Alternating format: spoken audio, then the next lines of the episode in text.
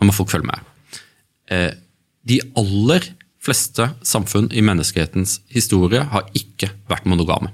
Eh, de aller fleste samfunn har hatt eh, en elite av menn som kunne ha mange sexpartnere, og en underklasse av menn som ikke hadde sexpartnere. Romerike er et godt eksempel på dette. En Julius Cæsar ville kunne ha mange elskerinner i tillegg til sin kone, som han kunne da skifte ut, som han gjorde også, ved behov. ikke harem, men noe tilsvarende. ligge med veldig mange kvinner, høystatuskvinner. Eh, og så ordnet man for, for, eh, for Så hadde man en, en, en klassen under hadde da eh, konkubiner og koner. Og så hadde du en mengde med sexslaver som betjente de mennene som ikke ville få tilgang. Eh, eh, det var, det var, en ganske typisk måte å organisere et samfunn på. Og så kommer den seksuelle revolusjonen. Den største av de alle. På 100-tallet kommer den seksuelle revolusjonen. Hvem er det som bringer den? Kristendommen. Lenge leve kristendommen. Kristendommen er svært svært uvanlig pga. at den, nesten alle samfunn til alle tider har forventet en grad av eh, Eh, at kvinnfolk, at kvinner, skal være, eh, skal være tro. Eh, det har noe å gjøre med at, at, menn trenger å vite at det er deres, sine egne barn de oppfostrer. Og det er noe som, alle, som er en preferanse som er global mm. til alle tider. Men svært få samfunn har hatt den samme forventningen til menn. Mens kristendommen innfører noe radikalt, at også mennene skal være tro. Det, at et, et, et, et ekteskapet er hellig at man skal begge to holde seg innenfor denne rammen. Noen ting som er kanskje den største feministiske seieren gjennom alle tider. Dette skaper en voldsom eh, trygghet for det store flertallet av kvinner. Eh, fordi for en kvinne så er sex er, er mye mer skjebnesvangert enn det det er for menn. Mm. Eh, for, for, kvinner så det, kan det å være, ha, ha, sex være den viktigste beslutningen og den viktigste handlingen de gjør i hele sitt liv, fordi de kan bli gravide. Eh, og det å få barn er for kvinner en, en livslang forpliktelse som kommer til å kreve veldig mye av deres arbeidskraft, veldig mye av deres oppmerksomhet. Mm. Eh, mens kristendommen kommer da med en ganske krass forventning som går utover mennene. Eh, at mennene som Når du ser på Bare ta et eksempel. Når du ser, Nesten alle sexkjøpere i verden er menn det tyder kanskje på at menn har et større behov, et større ønske om å ligge med flere enn det kvinner har. Eh, biologisk. Mm. Eh, og jeg tror også, liksom, for eksempel, Hvis du ser på um, altså, Det er sikkert et, et, et, dårlig eksempel, og folk vil sikkert uh, ha noe imot det, men liksom, jeg tror at hvis du ville se hvordan mannlig seksualitet ville være uten kvinnen som begrensende faktor, se på homofile. Homofile veldig mange partnere, partnere veldig mye sex. Mm. Så kvinnene er på en eller annen måte en begrensende faktor.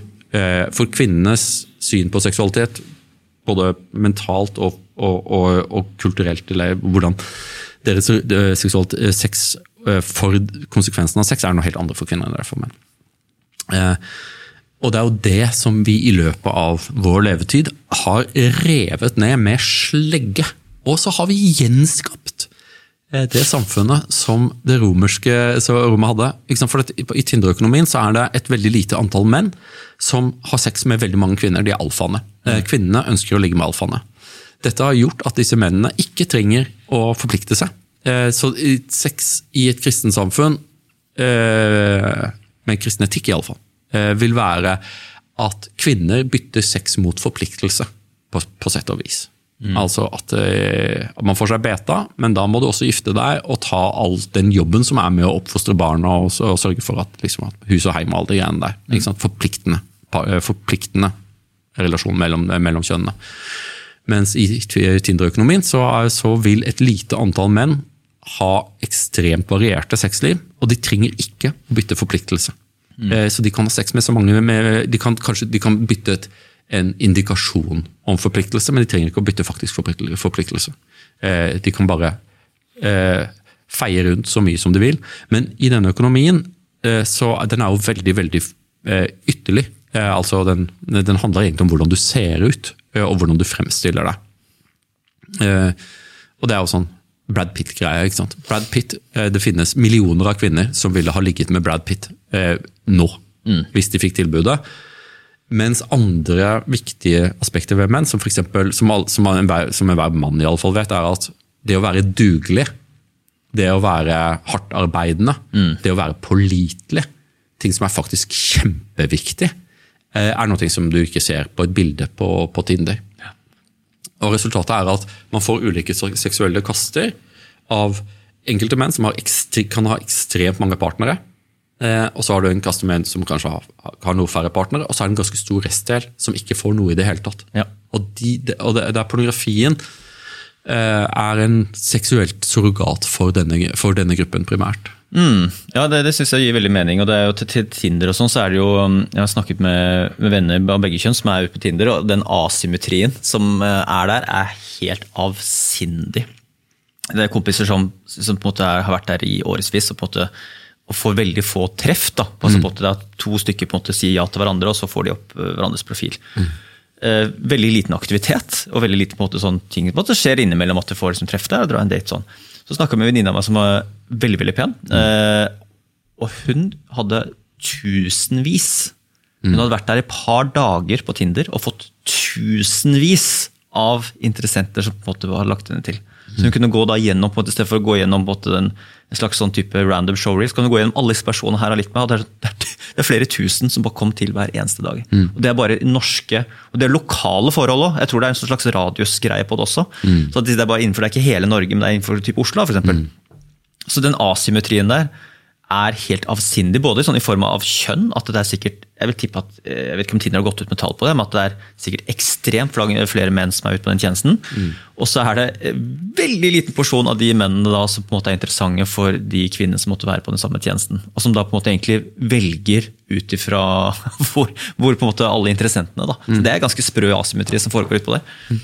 Problemet her er at dette her er også Eh, noen kamerater som har vært veldig suksessrike på Tinder, hvis man kan snakke om det. Det de har til felles, er at de har et ekstremt negativt syn, kvinnesyn. Mm.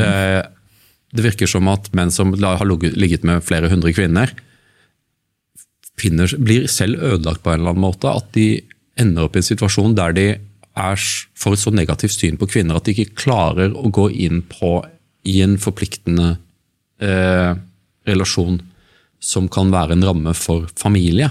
Jeg tror det gjelder for de som har skal vi si, langvarig, ikke har type, vært i lange forhold, men som har vært langvarig singel og kjørt veldig på med disse moderne datingplattformene. Der tror jeg det er tilfellet, ja. Mm. At rett og slett at det, det kvinnesynet du får av å ligge med mange, at det er så mye flyktig, at du også med alt fra liksom type opptatte gifte til på en måte at du ser du blir lei det. At det mm. tror jeg ødelegger deg litt sånn sakte, men sikkert. da.